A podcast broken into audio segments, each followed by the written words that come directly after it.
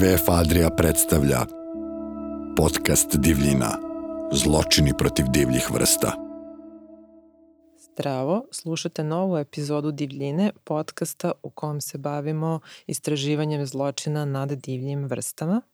E sada ako ste slušali prethodne epizode, a mi se ovde nadamo da jeste, onda ste se e, informisali o zločinima koje ljudi čine najčešće zbog finansijske koristi, međutim ubijanje divljih, divljih zaštićenih vrsta poput vuka, medveda ili risa u našoj regiji događa se i iz drugih razloga. Pominjali smo, na primjer, situaciju da stočari dolaze u konflikte svojim svojim životinjama, jer one mogu da naprave štetu njihovim stadima i nekom drugom vlasništvu ukoliko dakle ih nisu pravilno osigurali. Međutim, čini se da ne razmišljamo dovoljno o tome da ukoliko ove vrste nestanu, to potencijalno može značiti i nestanak brojnih drugih vrsta. U prvoj epizodi ovog podcasta pričali smo upravo o situaciji u američkom nacionalnom parku Yellowstone, gde je povratak Vukova nakon što su 70. godina bili protrani iz tog područja omogućio bujanje kompletne prirode od poravka drveća i grmlja, čija se rasprostranjenost smanjila zbog prevelike populacije jelena, do povećanja brojnosti i raznolikosti životinja, samo 14 vukova uticalo je na prirodu u toj meri da su i reke promenile svoj tok zbog manje erozije tla i fiksiranih rečnih obala. Mi ovde ne razmišljamo ni uzracima zalaska ovih životinja u naša dvorišta ili gradove, a to su najčešće uništavanje njihovih teritorija, ali tu smo gde smo, naši gradovi zalaze u divljinu, a divlje životinje postaju naši sugrađani, te kako bismo očuvali balans, danas postoje brojni pojedinci, stručnjaci, organizacije i projekti koji se bave uspostavljanjem skladnog suživota između ljudi i divnih vrsta u obostranu korist. Dakle, bez zdravih populacija divljih vrsta nema ni zdrave prirode, a bez zdrave prirode nema ni zdravih ljudi. I zato ćemo danas pričati sa Duškom Ćirovićem, vanrednim profesorom na Biološkom fakultetu Univerzitetu u Beogradu i stručnjakom za karnivore. Dobar dan. Dobar dan vama i vašim gledalcima. I e, Slaven Reljić, stručnjak za velike zveri sa Veterinarskog fakulteta u Zagrebu. Zdravo Slavene. Zdravo, dobar dan. Hvala vam obojici što ste e, ovdje gosti u, Divlji na podcastu. Pa e, evo možemo odmah da krenemo sa pitanjem. E, pojam suživota čoveka i divljih vrsta česti je u krugovima stručnjaka za očuvanje prirode. Pa na koje se životinje taj pojam najčešće odnosi, odnosno u kojim područjima su te životinje najprisutnije u Hrvatskoj, Srbiji i ostalim državama regije? Evo Duško, možete vi da krenete, pa Slavene vi se nadovežite. Pa mi danas moramo da kažemo da prvo živimo u predelima kojima dominiraju ljudi. A priroda je drastično izmenjena. Ono što mi zovemo nešto diljinom, neočuvanom prirodom, posebno na evropskom kontinentu, postoji samo u fragmentima, malim fragmentima. i životinje moraju da se naviknu na to, neke se lakše navikavaju, neke, neke malo teže i u takvim okolnostima naravno da e, postoje različite konfliktne situacije. Mi konkurišemo za, za slične resurse sa životinjama, sa nekim od njih, a recimo u, suštini e, konkurišemo sa svima njima za prostor. Životinjama treba taj prostor za život, nama taj opet prostor treba za život, treba nam prostor za poljoprivrednu proizvodnju, za neke druge delatnosti, za izgradnju infrastrukture i tako dalje i tako dalje i taj prostor sada postaje nekako multifunkcionalnom sa akcentom na, na e, upotrebu od strane ljudi. Na takve promene životinje moraju da se prilagode i u takvim situacijama dolazi do upravo konfliktnih e, situacija. E, e danas se intenzivno razvijaju mehanizmi da se takve stvari prevaziđu, da se stvori dovoljno prostora da i ljudi mogu da obavljaju svoje delatnosti, a da životinjama ostavimo dovoljno prostora za, za njihov život. To to je u suštini ajde da kažemo filozofija koegzistencije između životinja i ljudi danas. Mhm. A koji, u kojim područjima su ovaj, da kažemo, životinje na kojima se taj pojam odnosi ovaj, koje su to životinje kod nas koje su da kažemo najugroženije ljudskim delovanjem odnosno koje najviše zalaze u ljudsku teritorij? Ovaj, teritoriju pa po pravilu su one koje se nalaze na, na vrhovima recimo trofičkih piramida koji igraju ključne uloge u funkcionisanju ekosistema. Pa životinje recimo koje imaju, zahtevaju velike prostore za svoj e, život. Krupne karnivore su vrlo mm. čest primar upravo e, životinja e, koje navodimo u, toj priči o potrebe su života ljudi i, i životinja.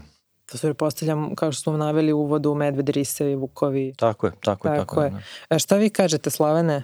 Pa evo, e, kolega Duško je to lijepo, objasnio. Ja bih isto rekao da su to, prije svega se radi o životinjama koje imaju stvarno velike životne prostore, e, jer jednostavno za, za njihov život im treba taj prostor, a taj prostor bi također i htjeli ljudi koristiti za neke svoje potrebe. Ja?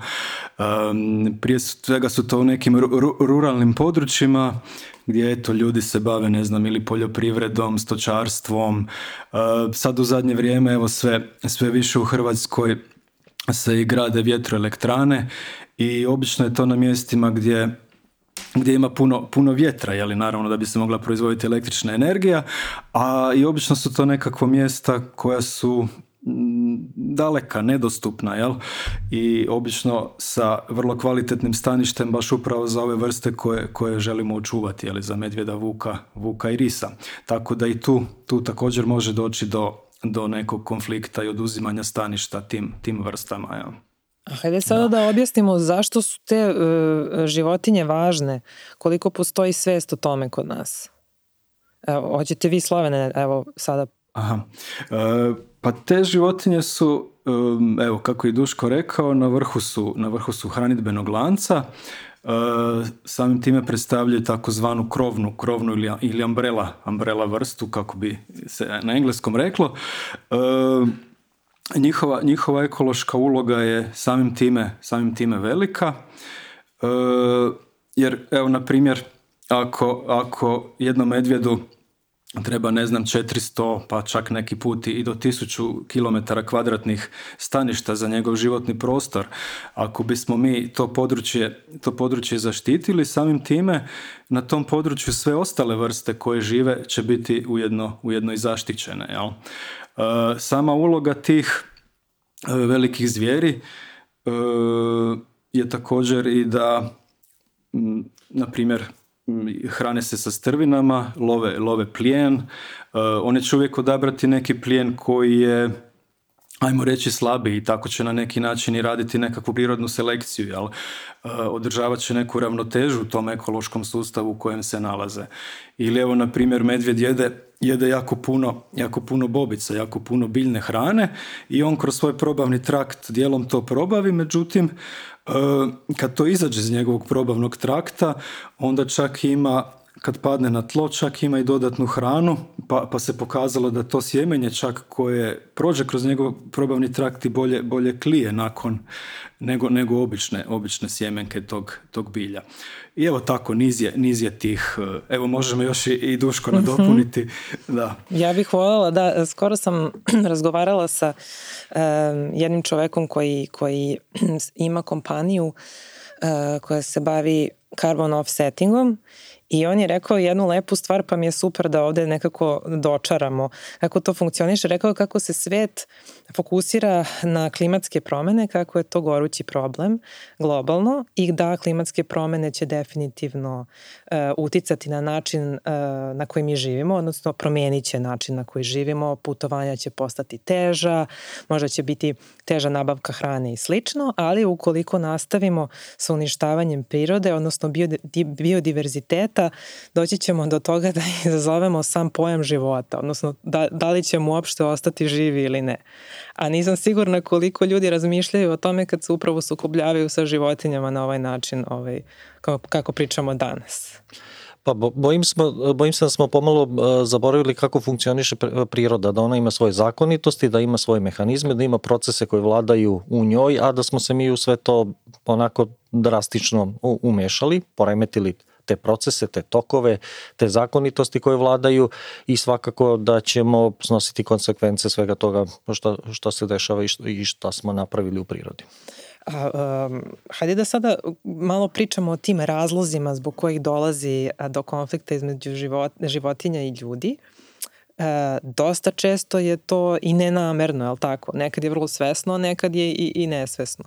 Hajde, Duško, ćete vi pa ako, govorimo o medvedu, ako nam je on, e, da kažemo, ključna vrsta u ovom razgovoru, onda prvenstveno do sukoba dolazi zbog ishrane medveda. Medved ima mešovitu ishranu, kako mi to kažemo, omnivornu ishranu, e, hrani se i biljnim i životinskim, ovaj, životinskom hranom i to je razlog eh, zbog kojih nastaju konflikti. Prilazi ljudima, upada u košnice, upada u poljoprivredne kulture, eh, pravi štetu na, na stoci i to je glavni izvor eh, konflikta između medveda i čovjeka.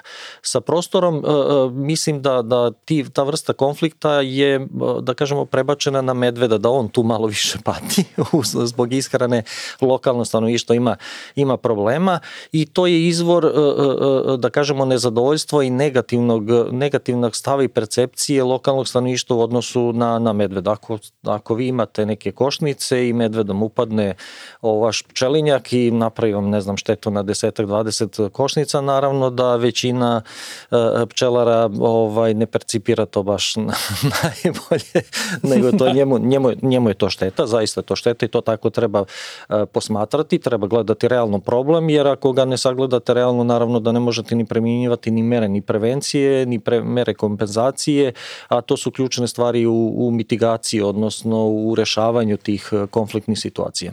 A koliko se dešava često, na primjer, da ljudi ostavljaju svoje đubre u prirodi, organsko đubre, jeli, pa onda se životinje pa tu vrstu štete nekako teže naplaći. Čini mi se da mnogo lakše ide kada životinja napravi neku štetu na, na privatnom vlasništvu nego kada ljudi neku štetu naprave u prirodi. Da, tako je, tako je. E, Slavene, da li biste vi nešto dodali? Može, može. Pa evo, evo situacija recimo u Hrvatskoj e, mi imamo puno, puno više šteta od vuka nego aha, da, i puno, puno veći problem je sa štetama od vuka i sa negativnom negativnim stavom ljudi prema, prema Vuku nego prema Medvjedu. Nekako Medvjed, um, on je stvarno oportunist, on će gdje god nađe na neku hranu, on će to pojesti. Neće stvarno birati da li je to biljnog podrijetla, da li je životinskog podrijetla, da li je to neki čovjek ostavio ili neka prirodna hrana. On će jednostavno pojesti sve što mu dođe. Pod, pod ruku, pod nos, pod šapu, jel? Pod šapu, da. da. I, Ovaj, ali, ali ne znam, u Hrvatskoj recimo e, taj sistem a i prevencije šteta i kompenzacije šteta nekako, nekako možemo reći da dobro, dobro funkcionira. E, a, a s druge strane, s druge strane medvjed je u Hrvatskoj čak i lovna vrsta, jel? Znam da, znam da u Srbiji nije. E, I onda nekako lokalno stanovništvo koje je dio tog lokalnog stanovništva je naravno organizirano lovačke udruge i oni, oni vide čak i tog medvjeda kao nekakvu dobit, jel? E, da, nažalost moram spomenuti tu financijsku dobit, ali na taj način je, na taj način je medvjed dobio nekakav ajmo reći pozitivan i, neku blagonaklonost prema njemu imaju lokalni ljudi jer jednostavno ga vide kao nekakvu financijsku dobit i, i žele, ga, žele ga u stvari očuvati. Jel? E, ehm, da, to je malo tužno. Malo, da, znam, znam, ali, ali evo. A, dok recimo Vuk, Vuk je strogo zaštićen i, i strogo je zabranjeno bilo kakvo jel, uznamiravanje ili odstrel Vuka ali recimo ima vrlo, vrlo negativan stav ljudi prema Vuku i mislim nekako pod navodnicima znamo da ima jako puno krivolova na Vuka i sve se to nekako skriva. I da, da, nekako nije, nije baš neka dobra, dobra situacija. Jel? Ali, ali ajde da se vratimo na ove e, štete, je li zašto nastaju i tako. E, pa Vuk također, isto kao i Medvjed će oportunistički napasti isto neku slabiju ili lakše dostupnu hranu, jeli? lakše dostupnu životinje i sad ako se ovce dobro ne čuvaju, naravno da je njemu lakše uhvatiti neku ovcu nego jeli, trošiti svoju energiju za hvatanje, ne znam, jelene ili srna, srne u šumi koji, eto, možda će ih uhvatiti, možda i neće. li Ovce su mu svakako lakši plijen. E, e, u Hrvatskoj postoji pravilnik o, o nadoknadi šteta gdje su čak i propisane sve mjere koje se trebaju upotrijebiti tako da se zaštiti svoja imovina od napada u tom slučaju se radi o vuku, ali jedno te mjere ako se primjene zaštitit će te životinje isto tako i od medvjeda. E, I evo, znači preko dana Ovce moraju biti nadgledane, ovisno o broju ovaca mora biti određeni broj pastira i pastirskih pasa. Uz ovce, noću moraju ovce biti zatvorene u nekakvom jeli, toru ili zatvorenom prostoru ili, ili ograđene električnom ogradu. Čak, ima i propisano da električna ograda mora biti visine 100, 180 cm i može biti ili električna mreža ili, ili tih 6, 6 do 8 žica ovih električnih i to sa propisanim razmakom 20 do 30 cm, tako da se vuk ne može niti provući ispod, ne može niti preskočiti i tako. I sad kad se primijene sve te mjere, onda ipak ako se na neki način dogodi šteta, onda postoji taj sistem kompenzacije ili nadoknade šteta. tu je za vuka odgovorno ministarstvo, jel? Mingor, ministarstvo gospodarstva i održivog razvoja kroz svoju upravu za zaštitu prirode, dok recimo za štete od medvjeda nije odgovorno Ministarstvo poljoprivrede i uprava za lovstvo, nego je odgovoran lovozakupnik, jer upravo on ima financijsku dobit od tog medvjeda i kad medvjed napravi štetu, onda je taj lovozakupnik dužan, dužan nadoknaditi štetu e, oštećeniku. Jel? E, pa evo, tako. Toliko. ja. Toliko, da. Mogu još, mogu još dalje, ali otići predaleko. E, a, Duško, a kako je stanje u Srbiji? Koliko znam, u Srbiji u određenom delu zemlje može da se lovi vuk. E, da, e, praktično južno od Savi Dunava vuk je lovna vrsta kod nas, zaštićen je na području Vojvodine, mi vuka u Vojvodini imamo samo u jugoistočnom Manatu, Vršačke planine i Delilorska peščara i tamo je on strogo zaštićena vrsta. Praktično na području Srbije imamo dve te evropske populacije, e, dinarsko balkansko i ona je praktično pod lovnim režimom, dok ova mala izolovana karpatska populacija na području ovaj, jugoistočnog banata je strogo zaštićena vrsta sa vukom se da kod nas e, lovno upravlja i nama su, ja volim da kažem, e, e, vuk i medved u suštini u opozitu odnosno na Hrvatsku. Kod nas je mhm. medved zaštićen, mi ga imamo relativno malo, znači njegova brojnost nije tako velika. U Hrvatskoj je medved brojan, populacija je jako dobra, jako zdrava, ako tako mogu da kažem, ali oni recimo imaju malo vuka relativno je redak u Hrvatskoj, a kod nas je populacija relativno, da kažemo, dobra. I to su razlozi za razlike u, da kažem, legalnom statusu e, vuka i medveda i kod nas i u Hrvatskoj. Kod nas je vuk u većem delu praktično njegovog reala lovna vrsta, dok je medved na teritoriji čitave države e, zaštićen kao strogo zaštićena vrsta. A koje su sve predrasude prema vuku konkretno, pošto vuk je nekako baš poseban, posebna životinja? Pa bojim se da sve to vuče još o, od one bajke od Crvenkapi, jel tako, da je zli vuk koji je pojeo baku, ali tu ima dosta folklornog e, shvatanja, da je krvožedan, e, da, da, da ubija previše, da, e, da je, da kažem, njegov nagon da ubija, da pravi štetu i tako dalje i tako dalje. Te stvari su predrasude, sad njima se treba boriti i objasniti. Mislim da šire stanovišto malo treba i da se edukuje, da edukacija može naravno pomoći dosta u u tom suživotu e, krupnih zveri i, i, i lokalnog stanovništva. E, vuk naravno ima neke svoje potrebe, jel tako, pre svega hranitbene potrebe koje treba da zadovolji i e, štete vrlo jasno imaju recimo i korelaciju u odnosu na neku trofičku bazu, odnosno hranitbenu prirodnu, hranitbenu bazu tih životinja koje imaju u prirodi. Ako mhm. vuk ima dovoljno plena u prirodi, onda nema baš previše ni razloga da prilazi blizu ljudskim naseljima ili recimo stadima stoke ali ako tog plena nedostaje, onda naravno e, želja za opstankom čini svoje. Ide ka onoj hrani koja je dostupna ili je lakše dostupna e, da ne bi trošio previše energije. Naravno, tu postoji određene sezonske razlike, nisu sve sezone iste, ali kažem u principu ovaj, e, to je prosto želja i, i, potreba svake organske vrste, kako je to još Darwin opisao za, za opstankom i to je prosto jedan nagon koji svi mi imamo. A, pomenuli ste malo edukaciju, koji su još to načini na koje možemo da promenimo odnos prema, prema tim životinjama? Pa pre svega moramo, možemo promeniti tako što moramo objasniti ljudima da smo e, mi glavni, kako se to kaže, okidač promjena koje se dešavaju danas u prirodi, da smo mi previše prirode uzurpirali, da smo mi čak e, tim životinjama možda i premalo prostora e, ostavili, pa oni moraju da prilaze bliže nama, da koriste neke naše resurse, da tu ulazimo pomalo u, neku vrstu kompeticije za isto resurse, recimo imate neke neke voće, vi hoćete da pojedete jabuku, ali i medved bi vrlo rado pojeo jabuku u nedostatku možda neke druge, druge hrane, tako da to, to zaista postoji, od toga ne treba okretati glavu, ali sa tim se treba nositi i postoje načini, mehanizmi da se to smanji do nekog nivoa. Pazite, nikada neće nestati šteta, životinje će uvek praviti štete, ali mislim da sa određenim postupcima, pre svega merama prevencije, e, to može da se svede na neki nivo koji može da bude prihvatljiv E, lokalnoj zajednici, da, da te štete budu na nekom relativnom niskom nivou i da ne izazivaju, ajde da kažem, bes e, ili neki negativan stav, lokalnog stanovništva u odnosu na, na medvede ili na bilo koje druge krupne karnivore ili bilo koje druge životinje. Nisu samo krupne karnivore, konfliktne i, mnoge druge. Imate mnogo šteta recimo koje prave u poljoprivredi divlje svinje koji su vjerojatno daleko veće nego što to čine na primjer i medvedi vuk zajedno čak. Jeste, jeste. Pričali smo već o tome u nekoj od prethodnih epizoda i ptice i zečevi, tako tako je, da. Slavene, da li biste dodali nešto?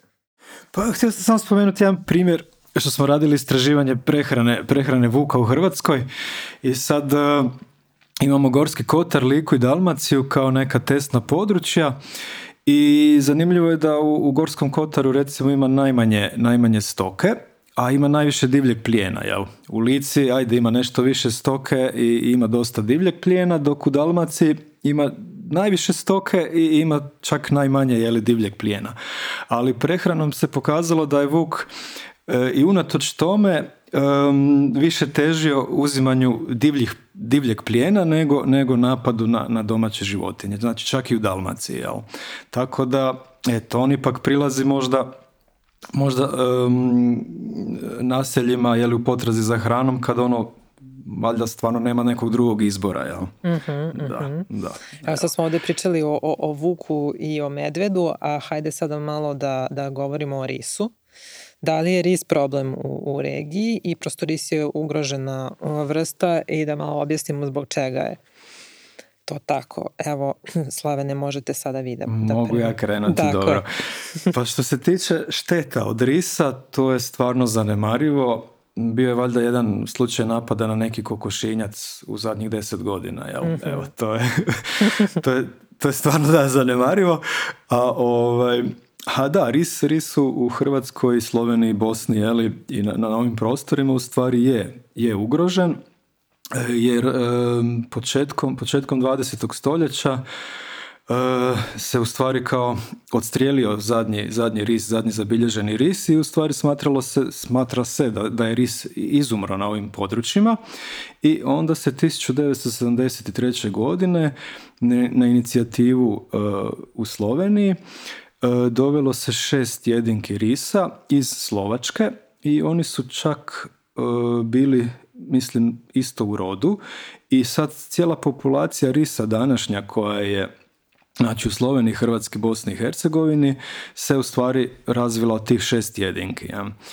E, kolege, kolege s fakulteta su dokazali da je um, ris već ugrožen parenjem u srodstvu, takozvanim inbreedingom i evo već zadnjih e, pet godina se sprovodi projekt Life Links koji u stvari ima baš za, za zadatak da se, da se obnovi da se osvježi, ajmo reći, krv, je genetska raznolikost e, risova na ovom području i dovedeno je ukupno, evo možda, da, prošli mjesec je pušten zadnji, zadnji ris u Hrvatskoj, znači dovedeno je ukupno 14 životinja novih iz, iz Slovačke i iz Rumunjske, e, četiri su puštena u Hrvatskoj risa, e, pet u Sloveniji u ovom donjem dinarskom dijelu i pet gore na sjeveru u alpskom dijelu.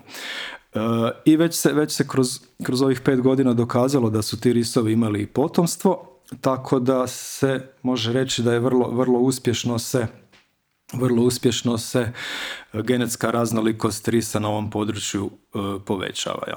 E sad, druga, druga populacija risa Eh, boravi u, u to je ovaj originalni balkanski ris koji je kod nas bio istrebljen eh, ta populacija još uvijek boravi u Makedoniji na Kosovu i, i, u Albaniji i procjenjuje se da je brojnost negdje možda 40 do 50 jedinki Evo.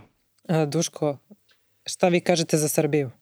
Pa ris je uh, redka vrsta i kod nas i, i najmanje konfliktna ako govorimo o krupnim e, karnivorama. E, e, to ima naravno dobre i loše strane. E, e, dobra strana je naravno ne ljuti lokalno stanovništvo. Ja volim da kažem da je ris možda naša najdivlija životinja. Zašto najdivlija životinja? Zato što se drži nekih prirodnih staništa, drži se daleko od, ljudi, e, od bilo kakve aktivnosti čoveka, ali je to možda neka vrsta njegove zle kobi, zato što jako teško opstaje, jako teško se njegove populacije oporavljaju. Nažalost, rekao sam više puta da mi živimo u nečem потому что, что назовем мы E, e, predeli kojima dominiraju ljudi. Mnogo predela smo mi izmenili. Nažalost, u prednosti su e, one životinje koje mogu relativno lako ili vrlo lako da se prilagode. Recimo, to vidite vrlo lako, to možda da se objasni kroz proces urbanizacije faune. Mnogi životinje su prepoznali gradove kao jako dobro područje za njihov život. Imate, recimo, brojnije populacije u gradovima nego što imate prirodne populacije. E sad, te životinje koje mogu da se prilagode ipak na neko prisustvo ljudi, na ljudske aktivnosti, imaju više šans se za oporavak u budućnosti. Risu je to mana. E, traži netaknutu prirodu, traži dobre šumske komplekse, velike šumske komplekse sa dosta prirodnog plena. E, Jedna isto e, njegovih karakteristika je da vrlo redko jede tuđi plen ili bilo kakvu lešinu koju će naći, jede isključivo svoj plen, ono što on ulovi, pa tako da, da, za njegov opstanak je jako bitna i trofička baza. Znači količina prirodne, prirodne hrane, odnosno u konkretnom slučaju prirodnog plena koji je njemu dovoljna za, za, za njegov životne potrebe. Htela bih, vi ste pomenuli malo preduško e, na koji način, na primjer, e, stočari e, treba da se ponašaju kako ne bi došlo do štete odnosno i kad dođe do štete e, kakvi su postupci, jeli, to je da se osiguraju, da naplate i tako dalje, ali bih voljela da sad malo, e, to smo nekako samo pomenuli, voljela bih da sad jedno, jedan vaš odgovor zapravo posvetimo o tome, nekako e, informišemo građane koji možda ne znaju, dakle kako, do, kako tačno dolazi do štete i šta sve mogu da urade da se zaštite konkretno. I naravno, voljela bih da znam, pošto ne treba sve da ostane na pojedincu, kako sistem zapravo može da pomogne rešavanju ovih problema. Pa prvo sistem bi kod nas mogao da pomogne konkretno u Srbiji za razliku od Hrvatske mi nemamo nikakve preventivne mere. Država nažalost da li je to neka svesna strategija, odluka ili ne isplaćuje samo kompenzacije mi ne primjenjujemo nikakve e, mere prevencije u cilju sprečavanja tih šteta, mislimo da je prevencija u stvari ključna stvar. Kompenzacija je samo u stvari mehanizam e, e, u slučaju kada prevencija, ajde da kažemo, omane. Tako bi trebalo u suštini da, da funkcioniše. Nadamo se da ćemo te mehanizme u budućnosti razvijati. Mi pokušamo kroz neke projekte da, da, da uvedemo, kako se to kaže savremenim rečnikom, da implementiramo preventivne mere u cilju smanjivanja šteta koje krupne karnivo komore prave na, na ovaj, u nekim eh, privrednim sferama, jel tako, eh, to, kod tog lokalnog stanovništva, ali je to kod nas eh, još uvek u povoju. Mi recimo nemamo ni pravilnike šta ljudi treba da, da, da preduzmu. Kod nas recimo kad pogledate pravilnik o štetama uprave za šume, tamo da je smešteno jel tako lovstvo, sektorski kaže da je vlasnik dužan da preduzme sve neophodne mere. Ali te sve neophodne mere je jedan širok pojam, one nisu definisane i šta to znači, šta je sve to neophodno da, da, se, da se preduzme. Nekada čak i e, jednostavni postupci mogu da recimo smanje, smanje štetu. Kod nas su najveće, recimo kada govorimo o medvedu, najveće štete su najčešće i najveće štete, i ako hoćete i po e, e, obimu novca koji se plati kao kompenzacija na pčelinjacima. Recimo prosto lokacija pčelinjaka može da bude odlučujući faktor da li će biti štete ili ne. Ehm, treba, mi ono, u razgovoru sa, sa lokalnim pčelarima recimo savjetujemo da pčelinjak ne mora baš da bude blizu šume, jel tako? Ako ga odmaknu dalje, dalje od ivice šume, onda verovatnoća da će se desiti šteta je daleko manja. Slaven je govorio, ehm, električne ograde, znači ali ne ove sa strujom 220 volti, nego sa jednostavno struje koji treba samo pecno, jel tako? One čobanice, kako se to kaže. Isto tako žice se koriste, jel tako, za čuvanje stoke, da ogradite da vam vaše ovce ili, je, je, ili to, krave ne izađu, to je ista. Malo je jačalo voltaža, recimo samo malo bolje da pecne, jel tako, divlju životinju. One jako brzo nauče ovaj, da se toj žici ne prilazi i da, da to može da bude vrlo delotvorna, delotvorna otvorna e, e, zaštita. Kažem, kada su te neke stvari u pitanju, recimo pčelinjaci, to može dosta, dosta lako da se, da se upravlja sa tim, sa vrejce, recimo štetama u poljoprivrednim kulturama, voćnjacima, to ide malo, malo da kažemo teže, ali u principu i tu može, može ovaj, e, da se reši. Recimo, ako medved počne da se pojavljuje u voćnjaku, voće je zrelo, uklonite taj deo voće, oberite i on neće imati više razloga da vam ulazi. Na, naravno, ako je voćnjak manji ili barem onaj deo koji je bliži, bliži šumi i, i lakše dostupan medvedu, to može da se vrlo lako reši. Recimo kada imate dvorište nekad u tim usamljenim seoskim domaćinstvima na planinama, dođe u dvorište, jede kruške ili jabuke, oberite jabuke, on više nema razloga da šeta kroz vaše dvorište i rešili ste problem sa, sa medvedom i štetama i njegovim prisustvom. Naravno, problemi mogu da nastanu i od straha prema, prema tim životinjama, kažem, ako to uradite, onda nema razloga ni medve da prilazi blizu kuće i da se javlja bilo kakav strah u odnosu na, na neku fizičku sigurnost. Stvari u nekim situacijama je vrlo jednostavno. Da, da, neke situacije zaista imaju vrlo jednostavno rješenje i vrlo primenljiva. Slavene? Pa da, kod nas ima, kod nas ima dosta tih jeli, i, i, zakona i pravilnika. Evo za Vuka je recimo to e, regulirano s tim pravilnikom o nadoknadi štete, dok za medvjeda je ovaj, prevencija i kompenzacija šteta eh, regulirana zakonom o lovstvu. evo recimo, na primjer, ako imate vlasnika pčelinjaka i on ako bi htio eh, odvesti te svoje pčele na pašu i ako je to unutar nekog lovišta, on mora prijaviti znači, lovozakupniku da će on te pčele dovesti na tu lokaciju, mora primijeniti određenu propisanu zaštitu i jedino na taj način može tražiti povrat, povrat sredstava u slučaju da čak da je sve napravio da, da ipak dođe do neke štete. U slučaju da nije niti prijavio da, da je doveo taj svoj e, pčelinjak na neku lokaciju, da nije poduzeo nikakve mjere zaštite, onda znači nema niti pravo, niti pravo tražiti, tražiti ovaj, odštetu. Ja? Jer nekako je jasno, mislim, tu živi medvjed, i evo, sad sam ja donio svoje pčele i ponudio sam medvjedu jeli, da, je, da jednostavno napadne, da mi uzme ličinke, da mi uzme med, a onda je nekako sam krivi, u tom slučaju mu se ne, ne, ne plaća nadoknada. Jel? Pa da, to je ovo što je Duško i pomenuo. Ako se nalazi blizu, blizu šume, šume, vrlo je logično da će to da, da, da, da, da. Znači mora poduzeti mjere zaštite, e, onda u tom slučaju ako se ipak nešto dogodi, medvedi znaju biti jako mudri pa ipak na neki način savladaju, savladaju tu zaštitu. Ovaj, I recimo, da, u, naseljima koja su tako u, u ajmo reći, divljim, divljim prijedjelima, koja su manja i tako, onda mora biti organiziran ovaj odvoz, uklanjanje i odvoz smeća. Jel?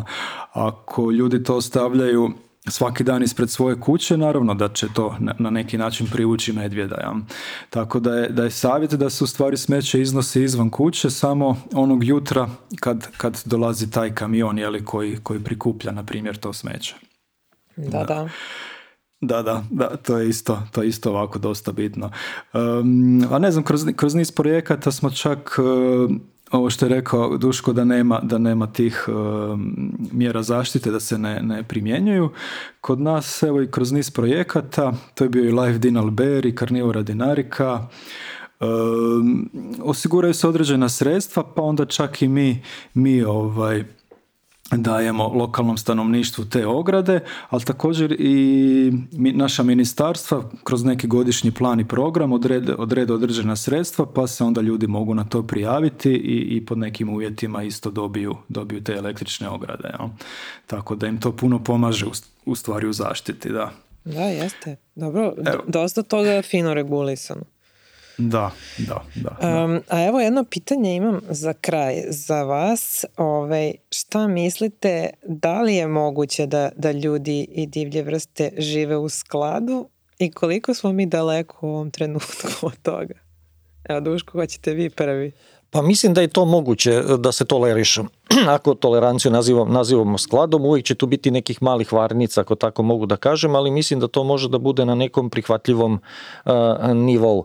E, dobra vest za te konflikte je, a sa druge strane naravno to loša vest, da naše istoj situaciji u Hrvatskoj u čitom regionu, da ruralne sredine puste odnosno da, da, je, da je depopulacija, kako se to kaže, jako, jako izražena.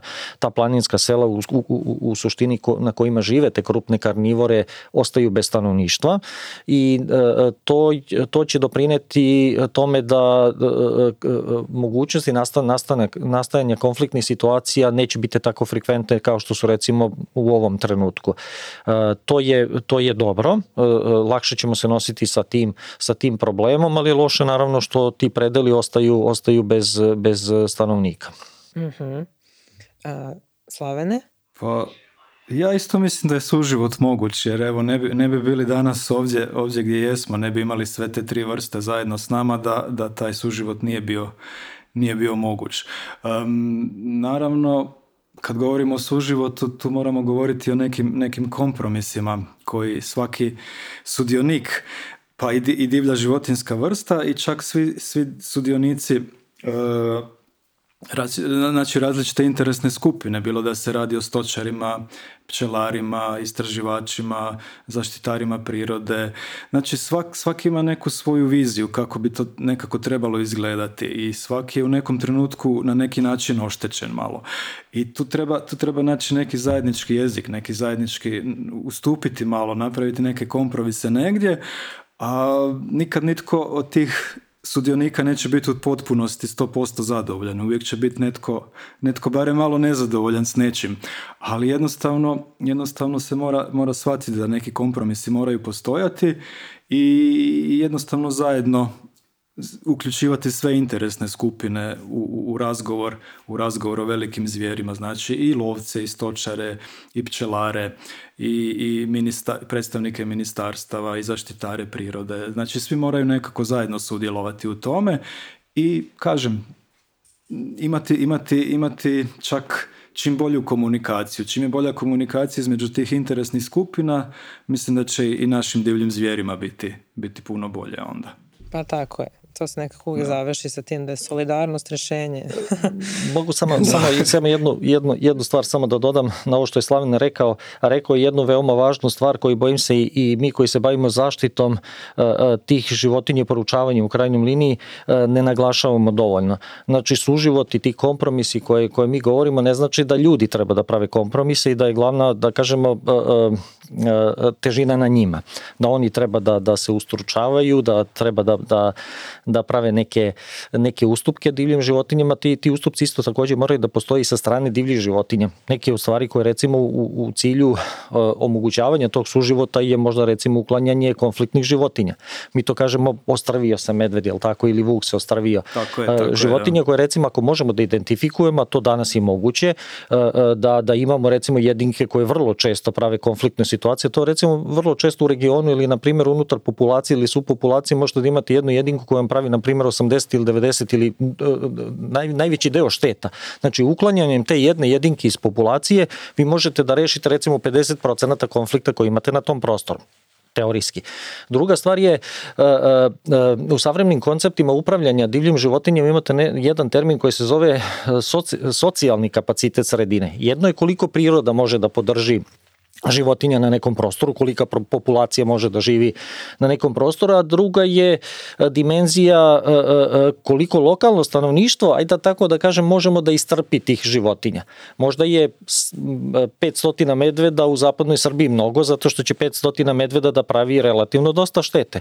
Ajde da spustimo to za 5-10 procenata, da recimo smanjimo značajni deo šteta koji će nastajati na tom prostoru. Znači, kompromisi suživot ne znače da ljudi treba da smanjimo nekakve svoje aktivnosti, e, da e, e, treba da, da, da ne znam, ustručavaju se ili da imaju nekakva ograničenja, nego prosto to mora da bude i sa jedne i sa druge strane. To podrazumeva znači da kroz mere upravljanja divljim životinjama moramo da preduzimamo i mere i da sa druge strane životinje da kažemo budu malo tolerantnije ovaj malo malo više tolerantne u odnosu na ljude sa kojima dele isti taj prostor. Mislim da smo dali dosta korisnih informacija našim slušalcima. Naravno, vi svi koji nas e, slušate uvek se slobodni da nam postavljate pitanja. Mi ćemo rado dati odgovore na njih.